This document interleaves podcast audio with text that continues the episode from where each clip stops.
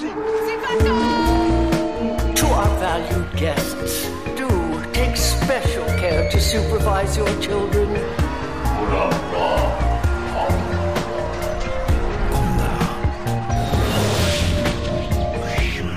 Het is weer ochtend in Pretparkland.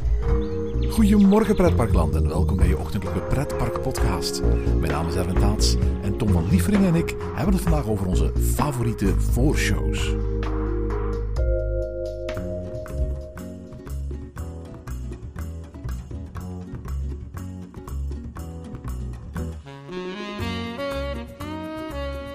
Goedemorgen Tom.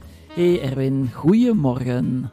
Zeg, onze luisteraars hebben het al gezien. Deze aflevering gaat over voorshows. Een onderwerp waar we het al regelmatig over gehad hebben in Ochtend in Pretparkland. Maar we hebben nog nooit een aflevering speciaal over voorshows eh, gemaakt. Hè?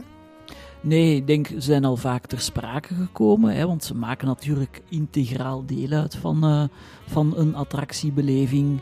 Eh, maar vandaag gaan we eens specifiek kijken naar wat onze favoriete voorshows zijn, hè, waar dat wij speciaal eh, aan terugdenken eh, eh, als we denken aan het woord voorshow. Ik ben heel lang geleden naar de Verenigde Staten geweest.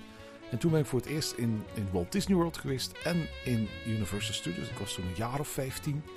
En ik herinner mij, vooral van mijn bezoek aan Universal Studios toen, hoeveel voorshows er waren. Ik kende het wel eh, uit, van parken bij ons. Die hadden het heel occasioneel eens bij één attractie of zo. Maar in Amerika hadden ze bij spreken om de andere attractie wel een voorshow. En ik weet dat ik dat echt ben gaan associëren met, met, met bezoekjes aan, aan Amerikaanse parken. Dat is natuurlijk onzin.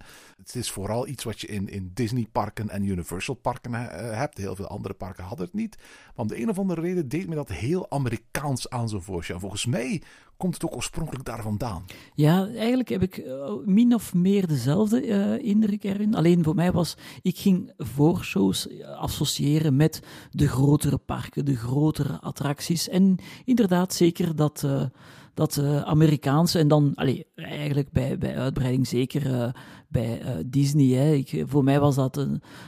voor mij stond op een gegeven moment in lang terug in mijn pretparkcarrière, zeg maar, een voorshow als... Dat stond eigenlijk voor een grote attractie. Dat waren de grote ervaringen, de lange ervaringen. Dat was niet alleen de rit, maar dat was ook wat komt er voor bij kijken. Hè? Wat is het verhaal erbij? Het was als het ware een criterium om een, een attractie als een e-ticket ride te gaan beschouwen. Hè? Echt als een attractie in de upper class eh, te gaan eh, beschouwen. Ik heb eens zitten nadenken wat de oudste attractie is met een pre-show die ik ooit heb gedaan.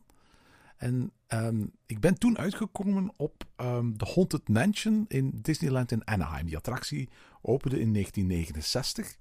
En ehm, voor alle duidelijkheid, ik, heb er geen research voor gedaan. Maar ik kon geen oudere bedenken. En ik, ik, ik vroeg me ook af of, of de Haunted Mansion in Disneyland in Anaheim misschien wel de eerste attractie was. Of eerste grote attractie met een echte pre-show. Want voor alle duidelijkheid, als je eenmaal het huis binnenwandelt, dan, dan, dan bevindt eigenlijk de, de, de echte attractie zich niet in dat huis. Maar in een apart gebouw buiten het eigenlijke park. Alleen daarvoor moet je over het treinspoor. En om ervoor te zorgen dat je over het treinspoor kon gaan, word je eigenlijk met een lift onder het niveau van het treinspoor gebracht. En wandel je onder het treinspoor in de richting van dat gebouw dat zich buiten de parkgrenzen beschouwt. En om dat te realiseren hadden ze natuurlijk een soort van pre-show nodig. En dat is uiteindelijk de stretching room geworden in, in Haunted Mansion uh, in, in Anaheim. Dat ik, eh, toen jij aan het vertellen was, spontaan moest aan denken, Erwin, was ooit een, een discussie die wij hadden gehad bij de opening van de Vliegende Hollander. Hè, waar toen in de, Eft, uh, de Efteling enorm ging uitpakken met de wachtrij is, bij wijze van spreken, een thematische beleving. Um, en toen hadden we ook al, zeiden we eigenlijk van, nee, kijk, binnen de Efteling bijvoorbeeld is het spookslot eigenlijk een van de oudere en gethematiseerde wachtrijen en uitgerust ook met een voorshow. Ja, absoluut. En eigenlijk het gedeelte met de Oosterse geest kun je echt gaan beschouwen als een soort van pre-show. Want misschien, voor we verder gaan, moeten we eventjes kijken van wat beschouwen als een, als, als een pre-show, als een voorshow. Want, want we gaan in deze aflevering onze favoriete voorshows van parken eens op een rijtje zetten. Je noemde dat de Vliegende Hollander, maar voor alle duidelijkheid, de Vliegende Hollander is een rijk gethematiseerde wachtrij. Maar ik zou het niet als een pre-show beschouwen. Ik, louter, louter wachtrij die fantastisch mooi is aangekleed. En dat, dat geldt absoluut wel voor de Vliegende Hollander. Dat is niet zomaar een pre-show. Voor mij een pre-show is een gethematiseerd deel van de wachtruimte. Waarin je een groep bezoekers hebt die gezamenlijk een soort van narratieve ervaring meekrijgen. Als een soort van transitie tussen aan de ene kant de gewone wachtrij en aan de andere kant de gethematiseerde wereld van de attractie. En zo'n pre-show kan deel uitmaken van de wachtrij, zoals bijvoorbeeld in Symbolica. Kan het, het slot zijn van een wachtrij, denk maar aan Villa Volta. Maar wat voor mij belangrijk is, is dat het altijd een verplicht onderdeel is van de wachtrijbeleving. Je kan het in principe als gast niet zomaar overslaan. Ja, inderdaad. Dat, dat, is voor mij ook een belangrijk uh, element daarin. Hè. Moet, dat, dat collectieve moet aanwezig zijn. Het moet uh, in zekere zin al, bijna altijd, ik zeg bijna altijd, want ik denk dat ik misschien ook hier en daar een voorbeeld heb waar dat niet zo is, bijdragen tot de attractie. Betekent is een inleiding tot de attractie. Het moet het verhaal versterken, het moet bijdragen aan, aan het narratief. En dus dat collectieve is, is, zoals, je, is zoals je zegt, heel belangrijk. Het is de, doelbewust kom je tot, word je als bezoeker tot stilstand gebracht? Gaat de attractie u aandacht vragen? Gaat er informatie worden meegegeven om verder te nemen in verschillende vormen dan ook. Dat kan heel direct zijn. Hè. Soms geeft de voorshow echt informatie mee die je moet hebben om de rest van het verhaal uh, te kennen. En dan denk ik bijvoorbeeld aan een Villa Volta, waar dat toch wel uh, uh, een hele context wordt gegeven. En dan wordt die attractie plots veel meer. Hè. Je krijgt die huiskamer waarin je draait veel meer allez, context, zoals ik zeg, en, en, en, en zin en, en, en betekenis. Um, en soms is een voorshow ook uh, informatie geven om stukjes en brokjes meegeven om de attractie beter te, te begrijpen, beter linken te leggen uh, tussen bepaalde uh, personages. Hè. Dan denk ik eigenlijk meer aan, aan een symbolica, hè, waar dat je toch een rol als bezoeker krijgt. Zo als het ware een, een eerste opstapje naar de attractie. Over symbolica gesproken. Symbolica doet iets waar ik niet gek op ben. Eh, en dat is de voorshow in het midden van een wachtrij plaatsen. Dus nadat je de vestibule uitwandelt, kom je eerst in een wachtrij in het trappenhuis terecht. En na dat trappenhuis komt er dan nog een kleine wachtrij, de catacombe, waar de meandering zich in drie opsplitst. Je kunt dus na die voorshow makkelijk nog eens 10, 15 minuten moeten wachten voor je bij de fantasievaarders bent. En omdat je intussen je gesprek van voor de vestibule weer hebt aangeknopt of tijdens het wachten even je smartphone gaat checken, word je helemaal uit die opgebouwde sfeer van de voorshows gehaald. Disney heeft dat ook her en der. In, in mindere mate in Phantom Manor en Haunted Mansion, dus na de stretch room. Maar vooral ook in Tower of Terror, waar op rustige momenten de wachtrij na de library soms langer kan duren dan de wachtrij ervoor. Klopt. Ik, uh, dat was eigenlijk ook toen ik uh, in het begin wat geconfronteerd werd met de voorshows. En nu dat ik er nog eens over heb moeten nadenken voor deze aflevering. Um, ja, kwam het woord capaciteit en, en, en uh, crowd control wel ook een stukje bij mij terug. Hè. Ik denk bijvoorbeeld bij Symbolica is de voorshow ook ergens een onderbreking in het ja, wachten, hè, in het saaie wachten. Hè. Allee, bedoel, de omgeving mag zo mooi gethematiseerd zijn als het wil. Als je moet wachten, allee, wordt het rap saai en vervelend. In dat opzicht kunnen we dan eerder zien, het is een, een soort van capaciteit, uh, een, een afleiding uh, manoeuvre, bij wijze van spreken, om het wachten aangenamer te maken, uh, dan effectief uh, te gaan bijdragen aan het narratief van de attractie. Ik heb, ik heb vaak het gevoel, ook, ook in Amerika en vaak bij Universal eigenlijk, hè, wat als je toch wel van ruimte naar ruimte gaan loodsen, dat, dat het, hè, wat je naar een tv-schermpje zit te kijken, of wat je naar een, een, of andere B-acteur zijn, zijn script zit te luisteren, um, dat dat toch zo is van, goh, het is toch altijd niet zo boeiend. Dit is gewoon een, een andere ruimte waarin dat we weer worden uh, opgehouden om naar die, uh, naar die attractie uh, te gaan. Nu, en dat is, allee, dat is niet zozeer het gevoel dat ik heb bij Symbolica, absoluut niet. Ik vind Symbolica een van de betere voorshows die mijn aandacht kan houden. Maar misschien, wat ik hier wou aankaarten, was misschien dat element van capaciteit en tegen het, wachten tegengaan. Hè, de ervaring uittrekken. Ik dacht dat dat op een gegeven moment toch ook wel alleen was mijn indruk, hè, voorshows dienen om die ervaring uh, te gaan uitbreiden. Um, dus dat is misschien een ander aspect dan om uh, een voorshow te, te, te bekijken. Ja, um, als, ik, als ik zelf nadenk over wat, wat zijn de redenen waarom een attractie een pre-show heeft, dan, dan kan ik er meteen een aantal bedenken. Um, een, een, hele praktische reden, en die ik ook een hele goede reden vind om een pre-show te hebben, is om uh, de voorsortering te kunnen doen om op een bepaald moment op een bepaalde tijd in te kunnen stappen. En dan denk ik bijvoorbeeld aan attracties als Flight of Passage in Animal Kingdom of Soarin' en Epcot. De machines waar je moet instappen, de simulatoren in die attractie, die vereisen dat je publiek niet zomaar bij wijze van spreken als één grote troep mensen naar binnen wandelt, maar op een bepaalde manier, op een geordende manier voorgesorteerd in, in, in, in rijen naar binnen gaan wandelen. De castmembers hebben wat tijd nodig om alle mensen in, in rijen te verdelen en, en, en op, op een goede manier klaar te positioneren om dan vervolgens in een volgende ruimte de loadprocedure zo kort mogelijk te laten duren. En in dat opzicht is dat een heel goed gebruik van een pre-show natuurlijk. Hè. Ten tweede, als je een gewone wachtrij sowieso moet staan. Hè, soms kan het moeilijk anders. Ik zeg maar iets, een intervallader. Dat is een attractie waar mensen niet voortdurend in kunnen stappen. Zoals bijvoorbeeld het Carnavalfestival in Efteling. Waar mensen in groep in uh, moeten stappen. Denk maar bijvoorbeeld aan Villa Volta. Daar, daar, stap je iedere keer met een grote groep van een tachtigtal mensen tegelijkertijd in. Zolang die rit bezig is, kan je niks anders dan eventjes voor de duur van die, van, van die rit blijven staan. En om ervoor te zorgen dat dat niet al te saai wordt, dat, dat stilstaan. Hè? Want het is altijd toffer om te wachten in een rij waarin je vooruit kunt wandelen dan een rij waarin je blijft stilstaan op dezelfde plek. Kan een deel van die uh, wachttijd opgevangen worden door een leuke narratieve ervaring. En er is ook een, een derde reden waarom een pre-show interessant kan, kan zijn. Dat is om de ervaring van de attractie langer te maken. Hè? Want heel veel attracties duren niet lang, duren maar een paar minuten. Maar op het moment dat je die, die voorshow op zo'n manier kunt gaan aankleden, op zo'n manier kunt gaan thematiseren, dat je eigenlijk al het gevoel hebt, ook al sta je nog in de rij, dat de attractie eigenlijk al begonnen is, uh, dan, dan is dat een serieuze pre voor een pre-show. Een heel mooi voorbeeld daarvan vind ik This is Holland. This is Holland is een soaring-achtige flight simulator in, in Amsterdam. Maar uiteraard, je kunt bezoekers die die, die die simulator gaan bezoeken, niet zomaar zeggen van we gaan je 20 euro laten betalen voor een ritje van, van, van, van een paar minuten. Dus wat hebben ze daar gedaan? Ze hebben dan verschillende voorshows gemaakt, verschillende voorshows ontwikkeld, waar het verhaal van Nederland, de strijd met het water en het verhaal van de verschillende locaties waar je daarna gaat overvliegen, in verschillende voorshows die elkaar in rastempo opvolgen wordt verteld. En het voordeel daardoor is dat, ze hebben ook trouwens een postshow, die ervaring van pakweg een paar minuten opgerekt wordt naar een totaalervaring van ongeveer pakweg drie kwartier. En dat is een zeer valabele manier om, om als het ware de ervaring uit te gaan breiden en daarvoor pre-shows te gaan gebruiken. Er zijn ook wel drie verkeerde redenen om een pre-show uh, te doen. En de eerste is louter en alleen als je een verhaal wil vertellen. Ik, ik geloof dat op het moment dat het mogelijk is om uh, het wachten op zo'n manier te laten gebeuren dat een pre-show niet nodig is, dat op dat moment een pre-show toevoegen, één, dat je eigenlijk met opzet in gaat grijpen in de capaciteit van de attractie.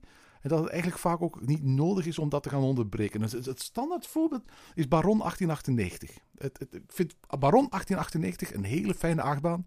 Heel mooi gethematiseerd, erg sfeervol. Bijna alleen maar complimenten voor die achtbaan. Maar ik merk van mezelf dat ik die achtbaan eigenlijk een stuk minder doe als ik in de Efteling ben dan de meeste andere achtbanen in de Efteling. En dat komt omdat ik telkens een beetje opzie tegen het feit dat ik weer door die pre-shows moet. Terwijl ik ook denk van, eigenlijk hoeft dat, hoeft dat verhaal bij lange na zo expliciet niet verteld te worden als in die eerste pre-show gebeurt. Bovendien, bijna alle verhalende elementen die daar in die eerste pre-show worden verteld, eh, worden herhaald in het loonlokaal, hè, waar je de animatronic van, van, van uh, Gustav Hoogmoed tegenkomt. Of zelfs in de pre-show vlak voor je uh, op de, de lifthill terechtkomt. Dus narratief voegt, voegt die eerste pre-show ook niet zo heel erg veel toe. En, en, en als het louter is om een verhaal te vertellen, dan vind ik, het eigenlijk, vind ik dat geen voldoende voorwaarde om een pre-show toe te voegen aan een attractie. Ik denk dat er andere en interessantere manieren zijn om je personages, je tijdskader, je verhaal achter de attractie te gaan vertellen. Een, een, tweede reden waarom ik absoluut zou afraden om een pre-show te doen, dat is als het gevolg van de voorshow is dat het het wachten langer maakt dan eigenlijk nodig heeft en dat het invloed heeft op de capaciteit. Een voorbeeld daarvan die, die, ik graag noem, dat is, dat is ook in de Efteling, dat is Fabula. Kijk, alles wat je moet weten uit de voorshow steekt in de laatste 30 seconden van die voorshowfilm. En had eigenlijk net zo goed deel uit kunnen maken van de film zelf. Het betekent eigenlijk dat je vaak in zo'n geval nutteloze 10 minuten extra wacht. Zelfs op dagen waar er eigenlijk zo goed als geen bezoekers in de wachtrij zijn. Eigenlijk wacht ik niet in eerste instantie voor de hoofdshow. Maar de eerste 10 minuten van mijn wachten wordt altijd op een kunstmatige manier gecreëerd. Omdat ik verplicht ben te wachten op een voorshow. In plaats van dat ik meteen door kan lopen naar de hoofdshow. En de derde belangrijke reden waarom een pre-show niet altijd nodig is, dat is dat het duidelijk, in mijn ogen, dat is het voorbeeld dat ik daarnet al gaf van Baron 1898, de herhaalwaarde van een attractie omlaag gaat. Ik merk van mezelf dat ik niet zo vaak een attractie opnieuw en opnieuw ga doen als ik steeds weer door diezelfde pre-show moet gaan, uh, dan wanneer die pre-show er niet is. En in dat opzicht geloof ik dat bepaalde parken beter geschikt zijn voor pre-shows dan andere. Hè. Ik had het daar al over Disney World en Universal Studios. Dat zijn parken die voor heel veel mensen once in a lifetime visits zijn. En dan is zo'n pre-show prima, want je gaat die attracties maar één of twee keer doen in je leven. Maar parken die heel veel abonnementhouders hebben, en dan denk ik aan bijvoorbeeld een park als de Efteling, die hebben heel veel mensen die heel vaak terugkeren. En als je als park een heel grote groep terugkerende bezoekers hebt, dan weet ik niet of het zo interessant is om steeds weer met, met, met voorshows tevoorschijn te komen. Dus met andere woorden, er zijn absoluut hele goede redenen om, om voorshows te, hebben in parken. Maar ik geloof ook dat er net zoveel redenen te geven zijn om, om, om voorzichtig te zijn in, het, in, het, in, het, in de ontwerpfase. En je telkens een vraag te stellen als ontwerper: is dit eigenlijk wel nodig, deze voorshow? Ja, ik weet, het is leuk, hè? je kunt je creatief uiten en het is een nieuwe gethematiseerde ruimte waar je van alles en nog mee kunt doen. Maar vanuit het stand van de, van de bezoeker en vooral die van de terugkerende bezoeker, is een pre-show altijd wel de beste keuze. Ja, dat klopt. Daarom, denk dat we daarom vaak bijvoorbeeld Armageddon hebben laten liggen. In, in de Walt Disney Studios bijvoorbeeld. Hè. Dat is... Maar er zijn, er zijn er nog hoor. Er zijn echt, echt nog attracties waarvan ik, waarvan ik echt zeg van... Omwille van de pre-show ben ik er eigenlijk geen, uh, geen, geen fan van. Hoor. Ik bedoel, ik, ik, ik, ik weet dat jij bijvoorbeeld een hele grote fan bent van Dinosaur in, in Disney's Animal Kingdom. Ja, Absoluut, absoluut. Maar de voorshow is daar niet meer dan een, een filmpje dat gewoon wordt gedraaid. Ja. Je wordt in zo'n zo'n donker hok gezet en dan zit je echt gewoon naar zo'n oude projector te kijken uit de jaren 90. Waar zo'n oude film draait uit de jaren 90. In plaats van dat je meteen kunt doorlopen. En zelfs op dagen waar het zo goed als geen bezoekers zijn. Op, zelfs s ochtends vroeg als er geen wachtrij staat, mag je niet doorlopen. Maar moet je echt datzelfde filmpje iedere keer weer uitkijken daar, pas op, ik vind Dinosaur een tof attractie, maar die, die, die pre-show, die is er gewoon in veel gevallen te veel aan voor mij. Nee, klopt. Uh, zeker als, als Dinosaur een van uw favoriete attracties is en dat je hem dan een paar keer naar elkaar wilt doen, uh, nu, ik was aan het twijfelen om hem op te nemen, wel, Erwin, in mijn top 5. Uh, het, is, het is een film met een oude projector met een lamp die af en toe kapot gaat. Ja, maar zo van als hem, wat ik daar leuk vind uh, aan de voorshow, is als je echt klaarmaken voor die rit. Ja, goed, dat doet elke voorshow als hij een beetje goed ja, is. Hè? Nee, nee, want, want dat is trouwens iets dat misschien bij uw allereerste positief puntje van de voorshows. Want wat ik ook vaak leuk vind is, en dat, dat, dat hoort zo wat bij het voorsorteren, het, dus het allereerste wat je zei, is dat als informatie gaan meegeven over één buckle up of it can, it, uh, zoals bij Dinosaur, uh, it uh, will get a, bit choppy out there. En dus dat ze echt zo van um, raad gaan geven of, of tips gaan geven van hey, hou je goed vast of doe dat, buckle up, stop dat weg. Dus dat ze die, ik vind het heel leuk hoe een park in die voorshows zakelijke communicatie toch, hè, van berg je spullen op of hou je goed vast of doe je beugel toe uh, hoe dat ze dat op die manier gaan, uh, gaan alleen meteen door een, door een personage uit die attractie, uh, um, u, u dat gaan, allee, die, die raad gaan meegeven, die communicatie gaan meegeven. Ik heb altijd een heel leuk element gevonden. Ja, en dat is trouwens een heel groot verschil tussen, tussen, tussen de parken in Amerika en de parken bij ons. Hè. Als je bijvoorbeeld kijkt naar de Efteling, de attracties waar daar voorshows zijn, Klopt. gebeurt dat niet. Die zijn puur en puur narratief. Maar het is niet zo dat bij spreken Hugo op een bepaald moment gaat zeggen van... Oh, deze deuren, vervloekt zijn zij, want zij openen in uw richting. Nee, nee, nee, nee, nee. nee. Dat wordt door een apart stemmetje gedaan, hè? Ja, dat klopt. Um, dus, allee, en, ik vind dat toch wel een heel leuk element. Dat, dat blijft zo, dat, dat, dat zo van... Je, blijft dus in het verhaal. Hè. Het, is, het is ondanks dat er zakelijk moet gecommuniceerd worden, wordt die informatie wel gebundeld, zoals Dinosaur hè, en zoals Sorin, denk ik ook trouwens dat dat dan allemaal op dat, op dat moment die informatie wordt, uh, wordt gebundeld en dat dat het verteld wordt door het personage. Hè. In, in, Sorry is dat de kapitein die u vraagt om uw beugel goed vast te zetten. Ik vind dat tof. Dat is iets anders dan een castmember dat dat vraagt. Hè. Of, uh, Mag ik nog eens een voorbeeld geven van een soort van pre-show waar ik geen fan van ben? Zeg maar. Um, zo zijn er een aantal, maar degene die mij meteen in het hoofd springt, dat is uh, Rock and Roller Coaster. Die, die, daar is zo'n voorshow waar je op een bepaald moment binnenwandelt in zo'n zo'n recording studio. Was vroeger in Parijs, maar is nog altijd tot op de dag van vandaag ook in Disney's Hollywood Studios in Walt Disney World. En eh, op zich heb ik geen bezwaar tegen die voorshow aan zich. Maar waar ik wel een bezwaar tegen heb, is, is bij het volgende. En dat is waarom ik die voorshow altijd een beetje haat. Je wordt bij wijze van spreken in een rij gezet en via een meandering wordt er een soort van volgorde gecreëerd waarin je tot de attractie kunt binnenwandelen. Ja. Maar zodra je met zijn pakweg 50 of 60 in die voorshow wordt gedropt, verdwijnt die meandering. En worden bij wijze van spreken al de mensen die netjes in de rij staan, compleet door elkaar gehusseld. Mijn OCD flipt daarbij. Ja, ja. Ik bedoel, dat, is, dat, is, wat, wat betekent in één keer dat iemand die als laatste de ruimte is binnengekomen, eigenlijk als eerste die ruimte weer kan verlaten. Want dat, die zo'n ruimte heeft verschillende niveaus en verschillende deuren, et cetera. En eigenlijk wil ik dat als er een voorshow is, en dat hebben ze af, achteraf bij Symbolica goed opgelost. Dat was ook in het begin bij Symbolica helemaal niet zo. Dan, dan moet bij wijze van spreken de eerste persoon die de, de, de voorshow binnenwandelt, ook de eerste persoon kunnen zijn die de voorshow buiten wandelt. Dat snap ik nu. Ik, ik was aan het twijfelen, Erwin. Van, van, allez, bij mij was het heel lang een van mijn favoriete voorshows. Hè. Net door het leuke tempo, uh, de, de, de leuke rock and roll vibe. Uh, maar goed, die bestaat niet meer. Uh, maar goed, ik denk dat we wel genoeg andere voorshows hè, nog uh, vandaag de dag hebben om uit te kiezen. En misschien dat we ze eens uh, overlopen, onze top 5. Overigens misschien nog één dingetje wat ik niet beschouw dus als een pre-show. Dat zijn zwaar gethematiseerde doorloopwachtrijen. En zeker in Amerikaanse parken is het vaak zo dat zo'n zo'n zo'n doorloopwachtrij vaak ook onderverdeeld is in verschillende, wat je zou kunnen zeggen, pre-show ruimtes. Maar je hoeft er niet te blijven wachten. Een voorbeeld waar ik bijvoorbeeld aan denk, is bijvoorbeeld Harry Potter and the Forbidden Journey. Dat, daar, daar heb je verschillende kamers in Hogwarts waar je door passeert. En in elk van die kamers speelt wel een, een, een film of is wel een soort van interactieve experience. Maar nergens ben je verplicht om te blijven staan of word je als groep doorheen geleid.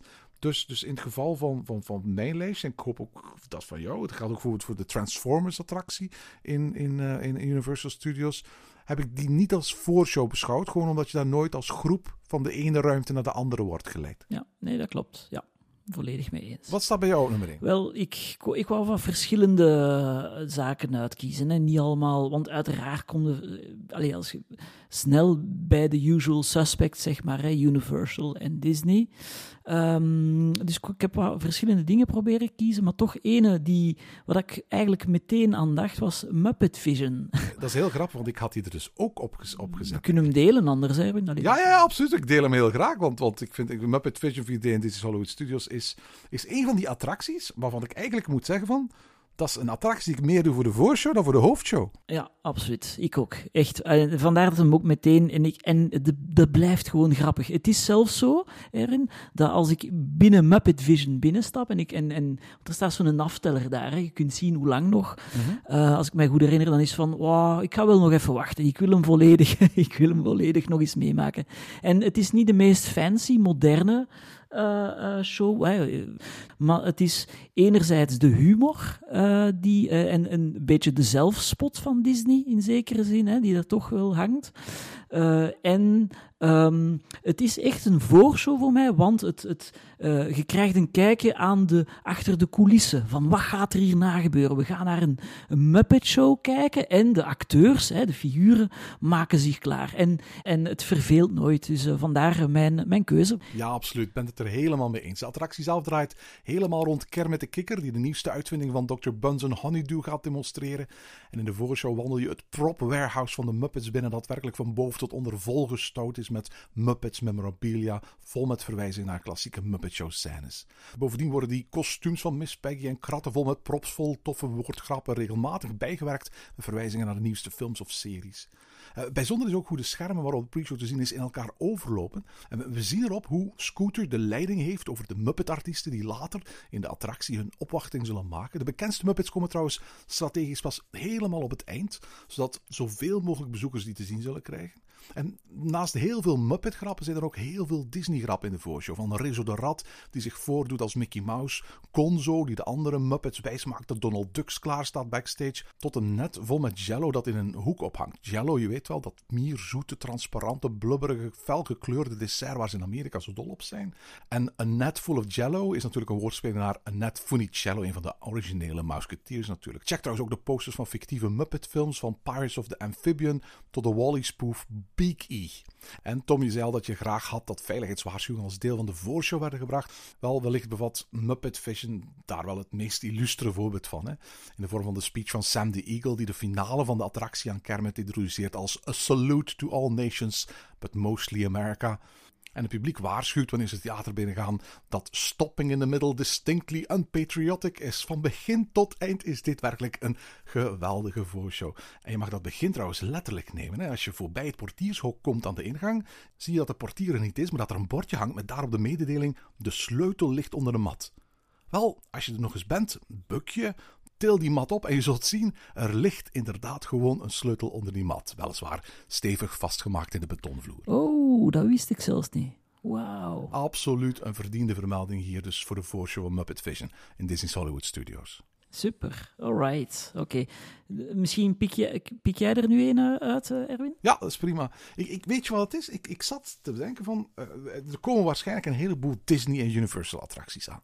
Dus ik dacht van, laat ik het eens dicht bij huis zoeken. En toen, toen zat ik bij mezelf na te denken van, ja maar, waar hebben we eigenlijk dicht bij huis pre-shows? Want, want, want, als je erover gaat nadenken, dat valt dan eigenlijk best wel tegen. Ik zat te denken, Plopsland zou dat ergens een attractie hebben met een, met een pre-show, maar ik kon er geen bedenken. Bobby ja, daar heb je de um, Forbidden Caves. En dat, daar waren ooit een heleboel pre-shows. Dat is trouwens ook een, een, een, andere tendens waar we het nog niet over gehad hebben. Er zijn ook attracties met te veel voorshows. Hè? Ja, absoluut. Ja. Denk maar aan de Lost Temple in Movie Park Germany. Denk maar aan Harry Potter and the Escape from Gringotts. Die heeft er een stuk of vier, geloof ik. Uh, je kunt ook te veel verschillende voorshows hebben. Mm -hmm. um, maar ik zat dan te denken van welke andere attracties in België. En dan kom ik eigenlijk alleen maar uit op de voorshows van Madhouses. Want dat zijn zo typisch attracties die we associëren met, met, uh, met voorshows. Hè? Inderdaad. Um, en uh, dan dacht ik van, ik moet er toch één noemen. En voor alle duidelijkheid, ik ga hier het huis van Houdini in Bellewaarde noemen. Oh. Niet alleen omwille van het feit dat ik per se een Belgische voorshow erin wou hebben, maar ook omdat ik het eigenlijk een hele goede voorshow vind. Sterker nog, ook bij het huis van Houdini zou je mij eigenlijk durven horen zeggen dat ik de voorshow misschien zelfs beter vind dan de hoofdshow. Ik heb, Villa Volta een altijd een fantastische attractie gevonden. Het is een van mijn favoriete attracties in, in het park. Ik heb het altijd jammer gevonden bij Villa Volta dat er twee voorshows waren. Want, want zeker die eerste voorshow is niet zoveel soeps. Ik bedoel, het is, het is heel tof en sfeervol en dat soort dingen meer. Maar er is wel heel weinig te zien en heel, veel, heel weinig te bekijken. Maar bij het Huis van Houdini, wat een van de eerste madhouses waren die, die in, in um, de Benelux opende, dus na uh, Villa Volta, hebben ze eigenlijk letterlijk gewoon een heel gezellige voorshow gemaakt. Uiteraard, alles draait rond de beroemde illusionist uh, Houdini. En als je daar binnen dan word je omringd door een aantal van de oude illusies. Een, grote ontsnappingskist, een groot aquarium. Je kijkt uit op een groot schilderij van, van, van Houdini. Terwijl het verhaal van Houdini wordt verteld, zijn er tal van effecten die om je heen gebeuren. Kettingen beginnen te rammelen, zijn, zijn gezicht ligt op. Er is een projectorscherm dat naar beneden gaat en een oud filmpje afspeelt. Water begint te brubbelen in, een van, in dat, dat aquarium dat er staat, die onderwaterkooi waarin zich uh, verstopt. Er rook komt uit de bibliotheken voorbij. Uh, lichteffecten veranderen. Dit is echt een voorshow met een ontzettend toffe sfeer die uitstekend aansluit bij de hoofdshow die erna komt. Uiteraard met de bekende muziek van Ennio Morricone uit um, The Mission. Het is makkelijk gezegd een van de beste voorshows van België, want er zijn er zo weinig. Maar het is sowieso een van de betere voorshows van Madhouses to Court. Ja, ik uh, volg u volledig. Hij stond ook op mijn lijst, Erwin. Houdini. Um, ik vond dat het altijd wel een beetje cachet gaf aan, uh, aan Bellewaarde. En een attractie met de Madhouse, met die voorshow. En, en eigenlijk ook voor alle elementen die jij aanhaalt. Hè. Het is, ik vind de voorshow het sterkste element in heel de attractie.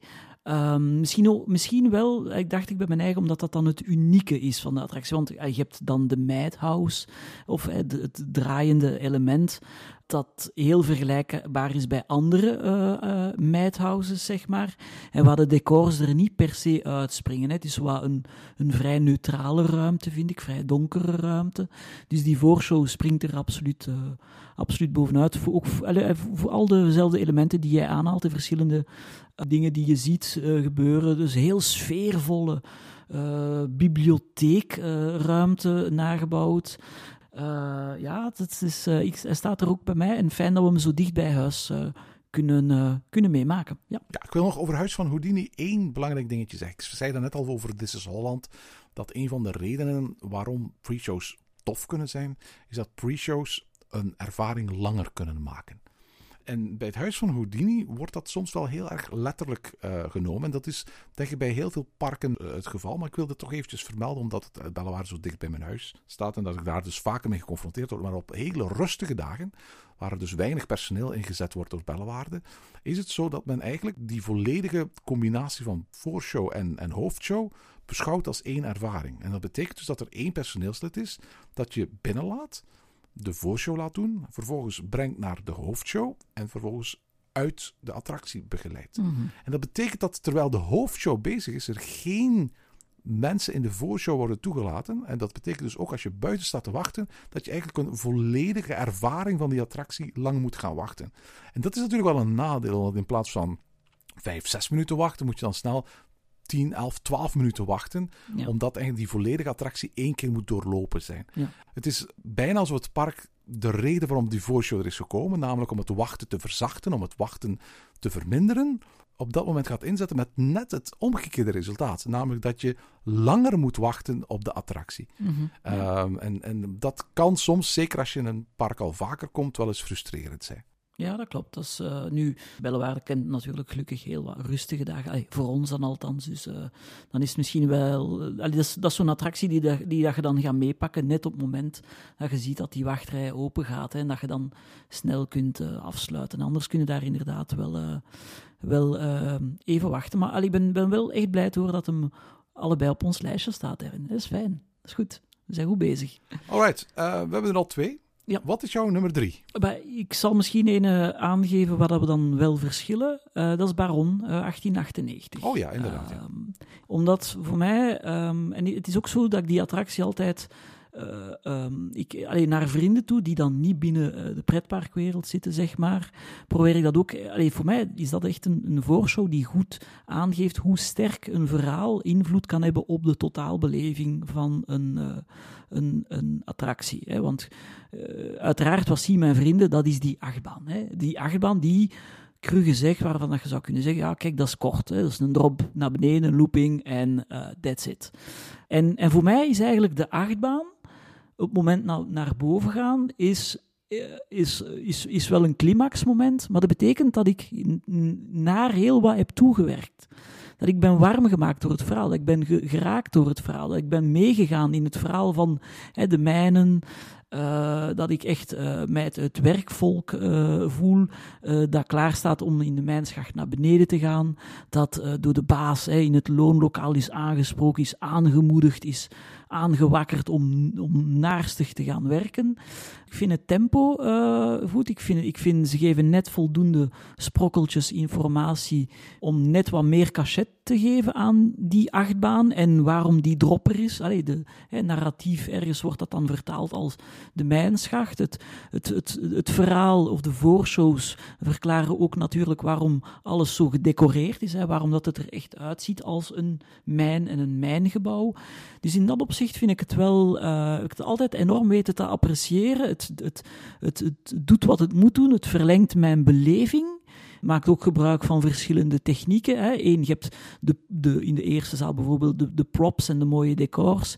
En dan uh, de, de project map in, zekere zin. En uh, een stukje het, het, de muziek die, weer, die heel sterke invloed op mij heeft. Dan naar boven gaan op het lokaal, waar dat je dan een hele andere element ziet in de voorshow. Een, die animatronic, hè. die animatronic die, die toch wel impressionant is, die ook heel professioneel gemaakt is.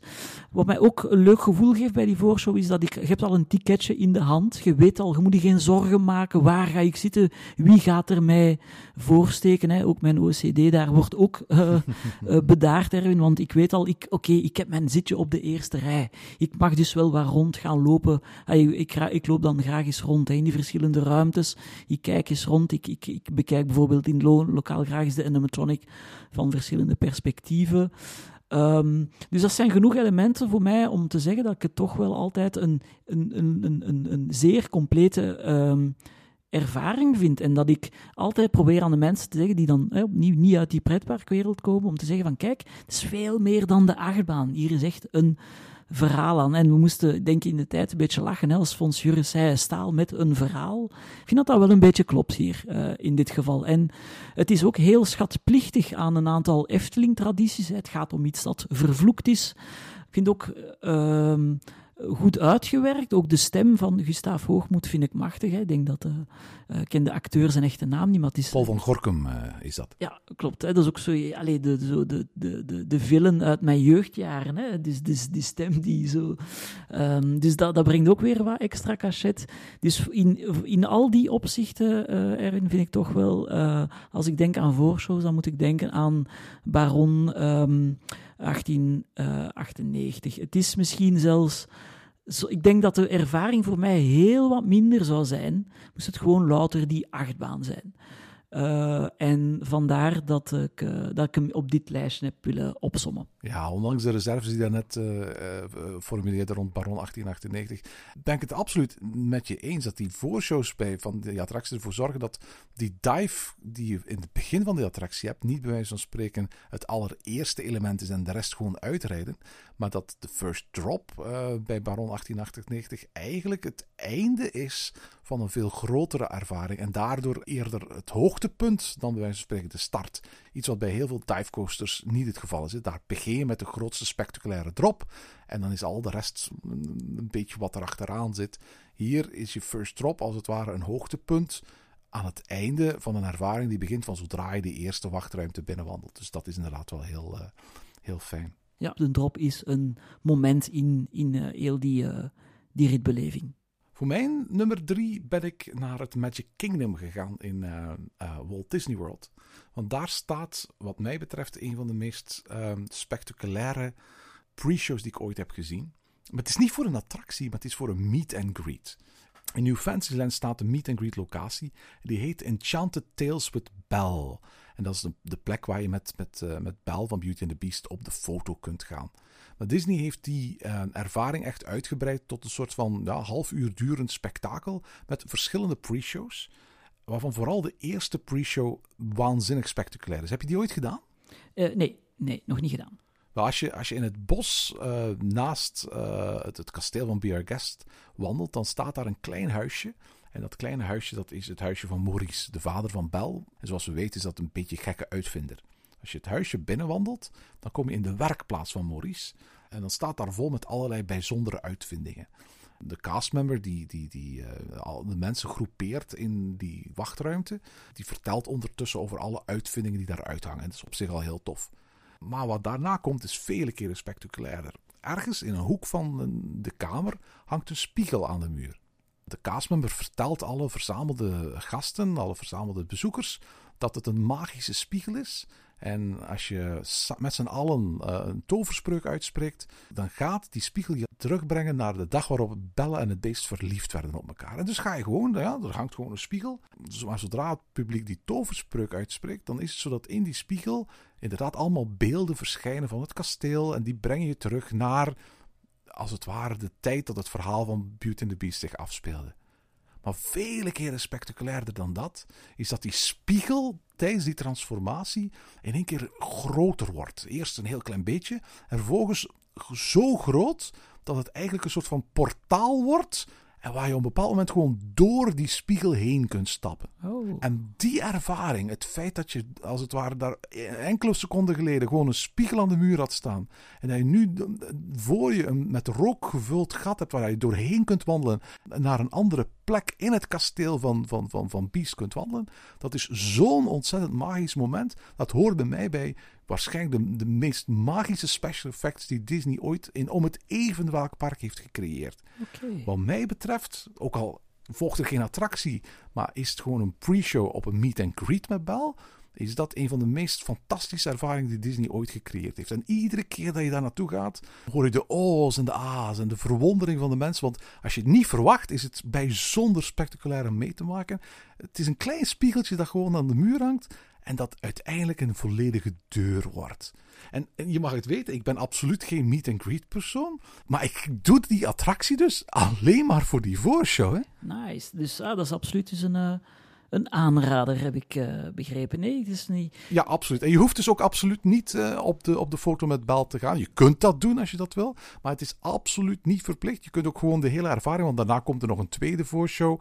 Er zijn ook een aantal hele spectaculaire animatronics te zien in de, de voorshows en in de hoofdshow. Dus met andere woorden, ook ben je liefhebber van animatronics, dan, dan is het zeker en vast de moeite waard. Maar je hoeft absoluut niet op de foto te gaan staan met het kind, om behalve die animatronics echt een, een, een fantastisch indrukwekkend effect in de voorshow te gaan zien. Wat mij betreft, een van de meest impressionante voorshows ter wereld. Het Enchanted Tales with Belle in Magic Kingdom. En is dat dan recent toegevoegd? Met uh, New Fantasyland in, in 2012. Ah, toch? Oké. Ja, dan heb ik op een of andere manier... Uh gemist. Dus uh, staat zeker op mijn lijst. Dank voor de tip. Ja, ja, absoluut, absoluut. En bedoel, het, weet je wat het is? Het toffe is dat Disney de afgelopen jaren telkens een meet-and-greet ervaringen toevoegt.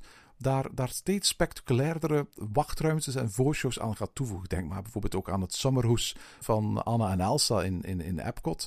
Ontworpen trouwens door, door, door Michel den Dulk. Waarbij in de detaillering en de, de, de, thematisering letterlijk bij wijze van spreken een Eftelingssfeer gaat ontstaan. Dus laat, laat, laat, laat het feit dat het meet and greet zijn je niet tegenhouden van die te bezoeken. Meet and greet zijn voor veel bezoekers minstens zo belangrijk als de attracties die Walt Disney World te bieden heeft. En daardoor zie je ook steeds vaker ook daar voorshows animatronics, special effects en prachtig gethematiseerde ruimtes uh, verschijnen. Dus als je een, een themaliefhebber bent, dan, dan kan ik je absoluut aanraden om ook in Walt Disney World de meet and greets niet over te slaan. Met Enchanted Tales with Belle voorop. Ja, super. Uh, dank u voor de tip, Erwin. Alright, wat staat bij jou op nummer 4? Um, ik, heb, ik heb een voorshow uh, gekozen die voor mij de toekomst van de voorshow wat gaat uh, uh, garanderen. Hè, wat dat de Imagineers, want het, het, is een voorbeeld uit Disney, meer, meer bepaald uit Disney's California Adventure. En dat is de Gardens of the Galaxy Mission Breakout. Hè, dus de herwerkte versie van Tower of Terror. Ik was daar niet dol op. Nee, maar het is. Uh, goh, ik, ja, ik ben daar heel sceptisch naartoe gestapt, natuurlijk. Hè, omdat een van mijn favoriete attracties. Uh, die ze ombouwen, hè, uh, die ze gaan plussen, noemen ze dat dan. ik, ik, ik, zag dat op dat moment anders, maar toch. Allez, als je daar bent, dan probeer dat natuurlijk. En eigenlijk heel aangenaam verrast. Nu, er zijn misschien heel wat luisteraars die het nog niet gedaan hebben, want het is toch ver natuurlijk, hè, Californië. En um, de, de, de, het heeft niks meer met Tower of Terror, hè, de Twilight Zone te maken, voor alle duidelijkheid. Is echt, de attractie is nu echt gebaseerd op uh, de film The Guardians of the Galaxy.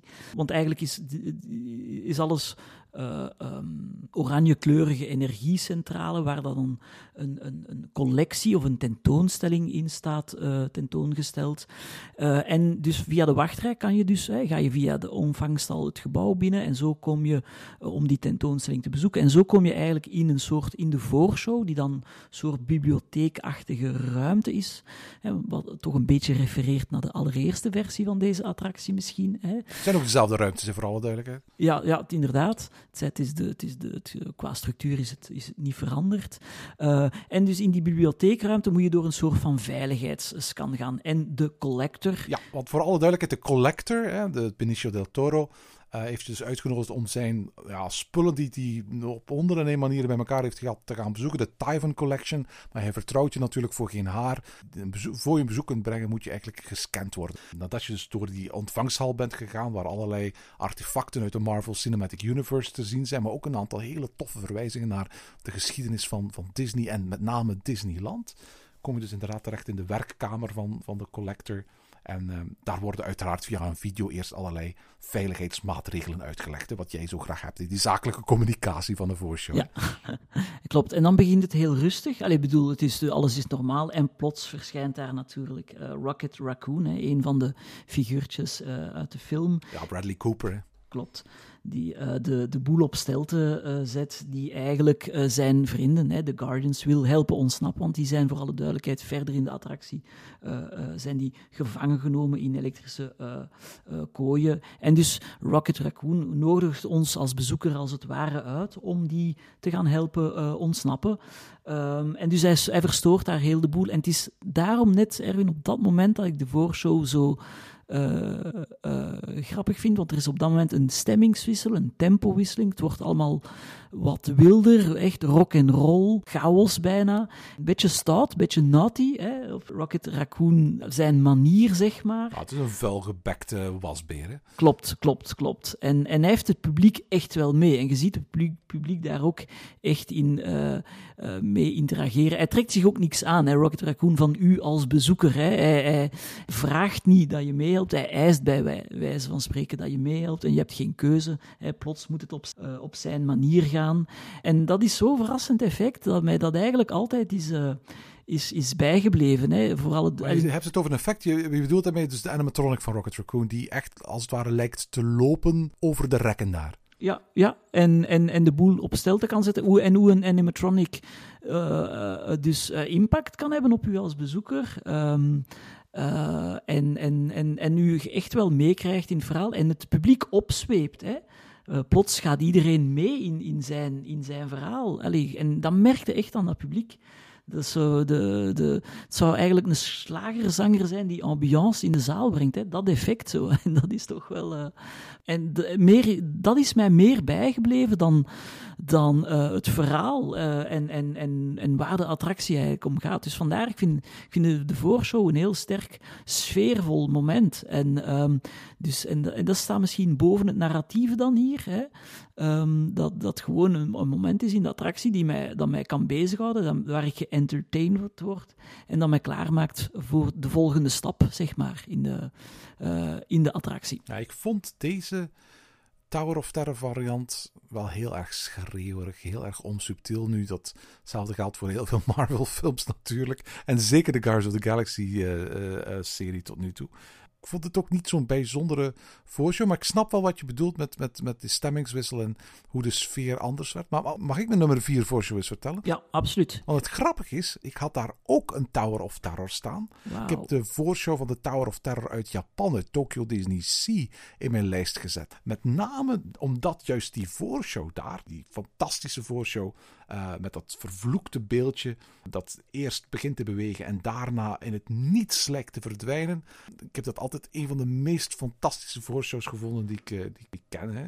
Uh, het, is een, het is een hotellobby, een, het Hightower Hotel heet het daar. En een, een glansrol voor de ondertussen gepensioneerde um, um, Disney Imagineer Joe Rody, die daar die figuur speelt.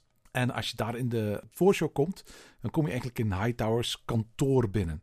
Uh, er is een groot glas in loodraam te zien, uh, waarop Hightower te zien is. En in één keer de voorshow begint, wordt in dat glas in loodraam eigenlijk het verhaal verteld van, van Hightower en zijn reizen.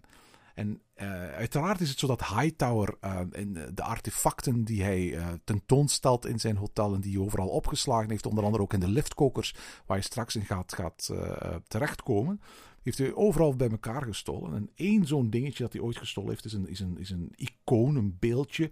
Uh, Shiriko Otundo heet dat beeldje, dat op een sokkel zit op zijn kantoor. En een, een rondlijster vertelt over Hightower en zet dan een oude grammofoonplaat op die een opname afspeelt, waarin hij zijn allerlaatste interview geeft. En op een bepaald moment dimt het licht en plotseling verandert dat glas in loodraam in een afbeelding van een, een bange Hightower die dat beeldje vasthoudt. En dan de lift instapt op die noodlottige avond waar dat verhaal zich afspeelt. En op dat moment komt dat beeldje tot leven. Die Shirike Otundo kijkt om zich heen, lacht naar de gasten. En dan verschijnt er zo'n sterrenveld, zoals je ook in, in, in de Tower of Terror in Orlando zo'n sterrenveld te zien krijgt. En op dat moment verdwijnt hij compleet. En voor alle duidelijkheid, de manier waarop dat beeldje, dat icoon, verdwijnt in het niets, is subliem gedaan. Het ene moment zie hem zitten en letterlijk een seconde later is hij volledig weg. En iedere keer dat hij die voice show doet, hoor je gewoon Japanners hardop roepen of, of verschrikt kreten uitslagen, omdat dat effect zo ontzettend knap is. Er zijn tal van filmpjes op YouTube waar men probeert uit te leggen hoe Disney erin geslaagd is om op zo'n snelle manier dat beeldje te laten verdwijnen. En uiteraard kun je het voor jezelf verpesten als je wil. Maar ik kan je afraden om ernaar te kijken. Gewoon omdat je moet gewoon eens naar Tokyo Disney gaan en die Tower of Terror voorshow zien. En dat fantastische verdwijningseffect van dat, van, van, dat vervloekte icoonbeeldje meemaken. Het is werkelijk ongelooflijk goed. Maar vooral duidelijkheid, het is veel meer dan alleen maar dat verdwijningseffect. Het is dat glas in lood eraan dat in één keer tot leven komt. Het is uiteraard iets veel met die oude grammofoon. Een manier van vertellen waar de Efteling voor Baron 1898 duidelijk Leentjebuur heeft gespeeld. Het is de rook waarmee de ruimte vervolgens opgevuld wordt voor je eigenlijk naar de, de, de kan, kunt stappen. Het is een fantastisch mooi gethematiseerde Tower of Terror. Wat mij betreft de, meest indrukwekkende Tower of Terror. Het is niet de beste Tower of Terror qua ritervaring. Wat dat betreft vind ik nog altijd die in, in Orlando de absolute nummer 1. Maar die voorshow en vooral dat fantastische effect van dat verdwijnende Shirikyo Tundo beeldje. Dat blijft in mijn geheugen gegrift en kan niet wachten tot ik nog eens richting Tokio kan gaan om dat opnieuw mee te maken, want dit is zo goed. Wat mij betreft duizend keer beter dan die Mission Breakout versie in Disneyland Anaheim, de voorshow van de Tower of Terror in Japan. Ja, nee, klopt. Maar de, uh, nee, ik vind het niet beter. Um, het, is, is inderdaad subliem uh, effect. En, en net zoals u, bedoel, Tokio staat opnieuw heel hoog op mijn lijstje.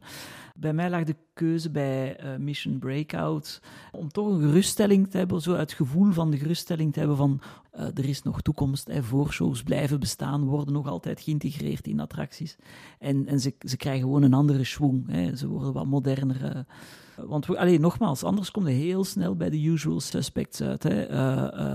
als, als je denkt aan voorshows en beste voorshows, komt uiteraard heel snel uit bij bij uh, de klassieke Tower of Terror ook, Erwin. Allee, dit moet toch absoluut ook op dit lijstje staan uiteindelijk. Hè? Ah, absoluut, absoluut, ja, absoluut. Dat is echt een voorshow die ik nooit, ook al is het 90% van de tijd staren naar een gewone, naar een tv, hè, um, blijft, dat, uh, blijft dat zo subtiel. Want ik denk daar, bij de klassieke Tower of Terror, dat de, de less is more approach uh, um, uh, wel van toepassing is. Gewoon met kleine elementen, kleine effecten brengen ze je stilletjes aan in die Twilight Zone. Ik vind dat fantastisch. Ook de ruimte, hè, de artefacten die daar liggen, dat is gewoon zo sfeervol.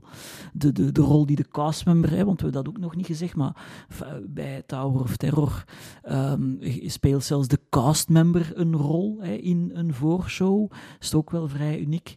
Dus eigenlijk zou die ook wel, die stond eigenlijk ook wel ergens in mijn lijstje, bij wijze van spreken. Maar ik dacht van, die moet toch zeker ook, uh, uh, ook vermeld worden. Dus ik ben heel blij dat je, het, dat je toch wel, dat, dat we en, en Mission Breakout hebben kunnen vermelden, en de versie in Japan, hè, de Hightower Hotel. En, uh, en nu toch ook een klein beetje de, de klassieke Tower of Terror. Maar goed, we hebben nog elk eentje. Wat is jouw vijfde favoriete pre-show ter wereld? Oké, okay, maar dan wil ik gewoon eindigen bij Dicht bij Huis, met nostalgie. En um, denk waarin dat we gaan verschillen van mening. Maar dat is toch Villa Volta. Omdat dat uh, voor mij, um, dat is een voorshow uh, die, ja, waarmee dat ik ben opgegroeid. Een voorshow die weer van een Madhouse natuurlijk. Alleen misschien enkele elementen waarom ik gekozen heb voor Villa Volta. Uh, dat is ten eerste het verhaal. Het is een leuke opbouw. Um, het is, het is, ik hou enorm van audioboeken, hè, dat weten, en van, en van podcasting. En het, auditieve in een verhaal is heel belangrijk voor mij. En dat vind ik daar enorm terug. Ik, kan, ik word echt omringd door stemmen, door geluiden, door een soundscape die mij op mijn manier dan, hè, mijn zintuigen werkt en mij meebrengt in het verhaal. Veel meer dan dat beeld doet, hè, voor alle duidelijkheid. Dus die eerste voorshow, die vind ik al vaak krachtiger dan naar een scherm kijken, bij wijze van spreken. Dus dat is één. Twee, opnieuw de animatronic in de tweede ruimte. Hè. Het is heel vergelijkbaar natuurlijk met Baron natuurlijk, ook qua, qua, qua verhaal. Hè. Het, het vervloekte, maar op een of andere manier vind ik dat een formule die werkt. En ook, dus ook de, de animatronic van Hugo, die toch heel lang als een van de beste animatronics in, in verre omstreken stond gekend. Hè. En tot op de dag van vandaag vind ik dat nog altijd een heel sterke figuur, die, die echt heel indringend uh, kan, uh, op zeker indruk op mij kan maken. en, en waar ik toch altijd merk dat ik aandacht hou bij het verhaal. Dus op een of andere manier is, is, het, is het ook de tekst de inhoud zodanig opgesteld dat, het, dat er voldoende tempo in zit, dat het mij inleidt tot het verhaal wat dat context geeft, wat dat door die, die Madhouse zoveel meer geeft dan, dan de attractie zelf. Want ik ben eigenlijk op zich niet per se fan van Madhouses. Dus ik vind dat een oké attractie. Dat is een mid-range attractie voor mij. Villa Volta is zeker ook niet zo, zozeer iets dat ik per se, uh, dat per se heel veel uh, herhaalwaarde heeft voor mij. Maar dan niet, niet zozeer door de voorshow, maar gewoon de attractie als concept. En, en Villa Volta moet er moet er voor die, allez, voor die redenen toch, toch zeker uh, in mijn top 5 uh, in voorkomen. Maar ik, heb het gevoel, Erwin, dat je het niet helemaal eens bent daarmee. Nee, ik, het, is, het, is een, het is absoluut een klassieker. Ik vind Villa Volta een van de, de, de sfeervolste attracties van de hele Efteling, daar niet van. Het zijn wel twee voorshows en dat is op zich wel heel uitzonderlijk voor een, uh, voor een, voor een Madhouse om twee verschillende voorshows te hebben. Uh, stel nu dat de Efteling op een bepaald moment zegt van we hebben eens wat budget over en we gaan eens een, uh, een, Villa Volta een grote opknapbeurt geven.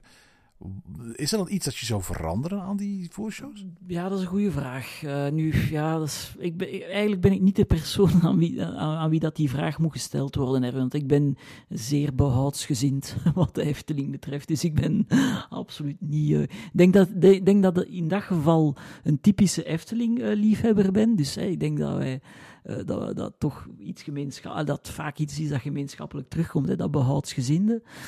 Um, dus ja, dat is niet echt een vraag waar ik nu direct zo meteen een antwoord zou op hebben. Het kan misschien iets vlotter zijn, hè? misschien de, de twee ruimtes wat, misschien wat meer project mapping of zo doen, maar nogmaals, uh, het auditieve is voor mij zeer belangrijk hier. Is toch iets dat alleen met dat auditieve be bekomen ze hier een, een, aardig effect. Want van, allez, die eerste ruimte, die eerste voorshowruimte, het is niet dat die zo uitbundig vol hangt met attributen, hè, of, of dat die weelderig uh, is gedecoreerd. Hè. Dat is eigenlijk een vrij. Uh, allez, het is is bijna een wachtzaal bij, de, bij mijn huisarts. Wel, oké, ik wil niet ziek worden naar jouw dokter moeten dan. nee, nee, maar ik wil zeggen, het is niet zo dat... dat uh, allee, mijn, toevallig mijn huisarts zijn, zijn, zijn huis lijkt er wel op, op dat van Villa Volta. Dus, dus dat zo'n grote wuivende witte mevrouw op zijn voorgevel of zo? Bokkenpootje. ja, maar dat, is, dat, dat helpt blijkbaar, zegt hij. Dus nee. Allee, ik denk dat het ook persoonlijk is. Hè. Nogmaals, dat auditieven is voor mij. Maakt sterke indruk. En... Ehm, uh, dat is altijd zo al geweest. Dat ik, uh, ik kan bijvoorbeeld fantastisch genieten van een s'avonds in de zetel van een audioboek. Nog altijd merk ik op volwassen leeftijd dat dat heel diepe indruk op mij maakt. Dat dat echt mij aanspreekt. En dat is wel echt iets dat ik typisch terugvind in, in Villa Volta, vandaar, in de voorshows. Vandaar. Alright. Uh, maar ik heb nu niet geantwoord op uw vraag. Hè. Wat zou je veranderen? Ja, het kan misschien wat project mapping of dergelijke, of wat plussen, maar dat is misschien... Ik zou dat niet doen, eerlijk gezegd. Nee, nee, ik ook niet, want dat is misschien het probleem net uh, van, van, uh, van de Efteling, vind ik, hè, de laatste jaren, om zodanig veel te gaan alles volproppen. Het moet drukker zijn, het moet meer zijn, maar nee, dat moet niet. Het is soms gewoon goed zoals dat is. En ik denk dat Villa Volta daar een mooi voorbeeld van is. Alright, je zei, ik ga voor mijn, mijn, uh, mijn vijfde uh, uh, heel conservatief zijn. En, en, en ik ga net het omgekeerde doen. Voor mijn vijfde kies ik, denk ik, een van de meest recente attracties waar ik in ben geweest. Ik ga er niet al te veel over vertellen, want ik heb het er al nog niet zo heel erg lang geleden uitgebreid over verteld in een vorige aflevering vanochtend in Pretparkland. En dat is um, Rise of the Resistance, de Star Wars Dark Ride in um, Galaxy's Edge. Ik heb daar al uitgebreid genoeg gehad over die voorshow, dus ik verwijs onze luisteraars graag daar naartoe. Maar ik wil nog eens herhalen wat ik in die aflevering gezegd heb. Namelijk dat ik vond dat van dat hele Galaxy's Edge, met alles wat daar te beleven afvalt, van als je alle attracties, alle meet and greets, alle shops, alle hoeken en kantjes en, straatjes en pleintjes en alle entertainment bij elkaar neemt, dat voor mij persoonlijk het meeste indrukwekkende onderdeel van die hele Galaxy's Edge. Dat was voor mij de transport flight met Lieutenant Beck. Die je uiteindelijk van um, Batu weg moet brengen naar een veilige haven, maar dat lukt uiteraard niet. Die transportvlucht waar je plaatsneemt en vervolgens uitstapt in een heel andere locatie. Het is een voorshow die in elk ander park wellicht op een goedkopere manier zou gerealiseerd uh, zijn en daardoor minder impact zou hebben. Het feit dat je eigenlijk plaatsneemt op iets wat een draaischijf is en het volledige publiek 180 graden draait zonder dat je dat doorhebt, waardoor je in staat bent om door dezelfde deur buiten te stappen als je net bent binnengestapt, maar daardoor in een volledig andere ruimte, dat is ontzettend indrukwekkend gedaan. Het is, een, het is een fantastisch effect die de overgang tussen als het ware Batu en de plek waar je uiteindelijk terechtkomt zo overtuigend maakt, dat je daar niet anders hebt dan verwonderde blikken en, en, en, en een grote, indrukwekkende stilte die erop volgt. Ik ben eigenlijk nog maar zelden door een voorshow zo in onder de indruk gebracht. Opnieuw, ik verwijs heel graag naar de aflevering die ik gemaakt heb over Galaxy's Edge. Maar ik, ik, ik, omdat ik geen zin heb om, om, ben er toen dieper op ingegaan om nu alles daarover